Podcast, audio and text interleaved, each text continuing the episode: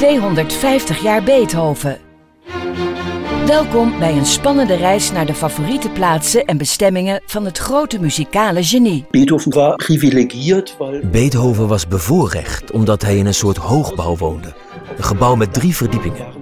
Op zolder waren twee telescopen geïnstalleerd, die niet alleen zijn interesse in de kosmos wekten, maar ook voor de andere kant van de Rijn, richting Zevengebergte, Königswinter, Drachenfels. Siebengebirge, Königswinter, Drachenfels. Zegt professor Matthias Henke, auteur van de Beethoven-biografie Akkoord der Welt.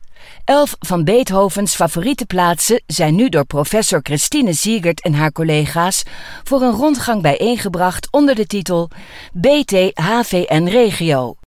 Het eindpunt is de markante berg aan de Rijn. Der Drachenfels ist ein sehr, sehr schöner Berg. De Drakenfels is een hele mooie berg in het Zevengebergte. Beethoven was bij de Drakenfels en kon van daaruit terugblikken over de Rijn. Wat vandaag de dag nog steeds mogelijk is. Tegenwoordig kun je de tandraadbaan naar boven nemen, wat vroeger niet mogelijk was. En heb je een prachtig uitzicht ver over het Rijndal. Schönen Ausblick weit über das Rheintal. En dit is precies waar Beethoven zijn hele leven naar heeft verlangd, vertelt de programmadirecteur van de WDR3, Matthias Kremin. Ich glaube, ein Besuch der Ik denk dat niets een bezoek aan de Rijnauwen en het Rijndal kan vervangen.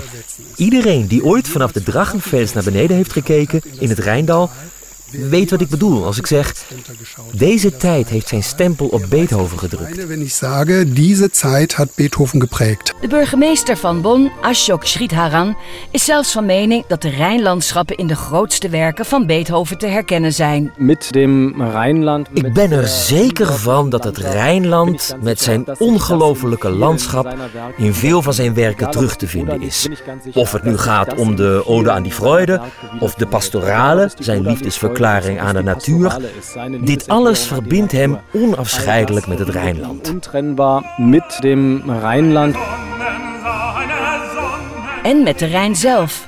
Beethoven was vaak met de boot onderweg, zegt de directeur van Siebengebirgstourismus, Olivier Brem. Zeitzeugen haben berichtet, dass Beethoven oft mit einem Nachen Getuigen uit die tijd hebben verteld dat Beethoven vaak met een bootje naar de overkant gevaren is. En vervolgens in de Rijnvlakte rond Königswinter liep, werkte en het landschap op zich liet inwerken. Bijvoorbeeld de vlakte tot Dollendorf, die tot aan de Rijn met wijn was begroeid en een bepaalde stemming uitstraalde. hinunter und schon eine bestimmte Stimmung auch ausgedrückt hat. Bezoekers kunnen ook vandaag nog deze sfeer ervaren. Een nieuwe 15 kilometer lange Beethoven wanderweg volgt in de voetsporen van het grote muzikale genie door het Zevengebergte en brengt u terug naar de tijd toen hij werd geboren. Auf diesem Wanderweg haben wir Tafeln aufgestellt und uns war besonders We hebben borden langs deze route geplaatst. Het was voor ons vooral belangrijk dat de wandelaar wordt geïnformeerd over hoe het er in de tijd van Beethoven uitzag. In die tijd waren de hellingen helemaal met wijngaarden begroeid, tot beneden in het dal. Er waren veel velden en de hellingen waren kaal van de houtkap. Op het wandelpad laten we zien hoe het Zevengebergte er in de tijd van Beethoven uitzag. Wir zeigen auf dem Wanderweg, wie sah das Siebengebirge zu Zeiten Beethovens aus. Ook de jonge Ludwig van Beethoven beklom in deze periode regelmatig de Petersberg om hier te werken en te dromen, vertelt Christine Siegert. Das war einfach ein toller, ruhiger Ort mit einem Dat was gewoon een prachtige, rustige plek met een fantastisch uitzicht. En dat is het nog steeds. Op de steile pelgrimspaden kon men gaan zitten en uitrusten. En Beethoven was iemand die veel inspiratie vond in de natuur. Al op jonge leeftijd ging hij graag naar de rechteroever van de Rijn, waar hij componeerde of inspiratie opdeed voor zijn composities. Zo bezocht hij ook het toen nog kleine dorp Godesberg met de Druitsbron. Een paar jaar nadat werd vastgesteld dat het water in Godesberg genezende krachten had, werd het in 1926 Bad Godesberg genoemd. Vanuit de Druitsbroenen kan men verder gaan naar het klooster Marienfors, dat Beethoven ook heeft gezien. Het ligt een beetje buitenaf. Het is een prachtige wandeling door het groen. En in de kerk zou Beethoven het orgel hebben bespeeld. Spaziert da wunderschön durch die Gegend und in der Kirche soll Beethoven Orgel gespielt haben. Dit was ook het geval in de Michaelsberg-abdij bij Siegburg en in de Redoute Bad Godesberg, waar de 21-jarige Beethoven de al beroemde componist Joseph Haydn ontmoette. Midden in een prachtig park is de reisleidster Cornelia Bart Aminski enthousiast aan het vertellen. Früher gehörte alles zum Kurpark dazu und auch hinter der Vroeger hoorde dit allemaal bij het Koerpark. Achter de Redoute ligt nog het Redoute Park, waar je heerlijk kunt wandelen. Dit is een heel mooi gebied met huizen uit de 17e eeuw.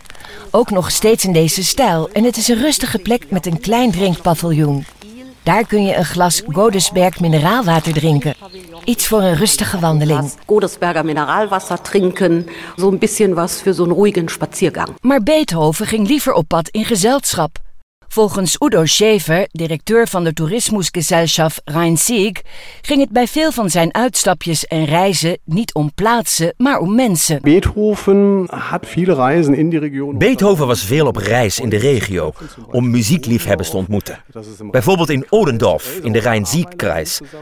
Maar in dit verband ging hij ook naar Ahrweiler en ontmoette daar muziekliefhebbers.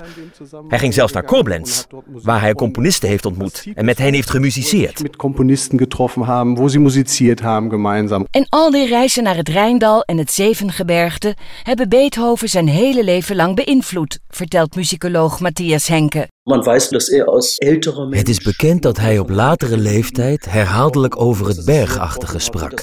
En dat hij er in zijn Weense tijd sterk naar terug verlangde. Hij vergeleek het Weense en Oostenrijkse heuvellandschap vaak met zijn vaderland. Dat roept herinneringen op. En ook als u, denkend aan Beethovens excursies, het Zevengebergte, de Rijn-Sieg-regio en het werelderfgoed cultuurlandschap boven Midden-Rijndal beter wilt leren kennen, dan is het Beethovenjaar dat tot 2021 is verlengd de perfecte tijd daarvoor. Reis naar het thuisland van Beethoven op bthvn2020.de. Deze productie is tot stand gekomen met ondersteuning van de Deutsche Zentrale für Tourismus. Meer informatie over het vakantieland Duitsland kunt u vinden op germany.travel.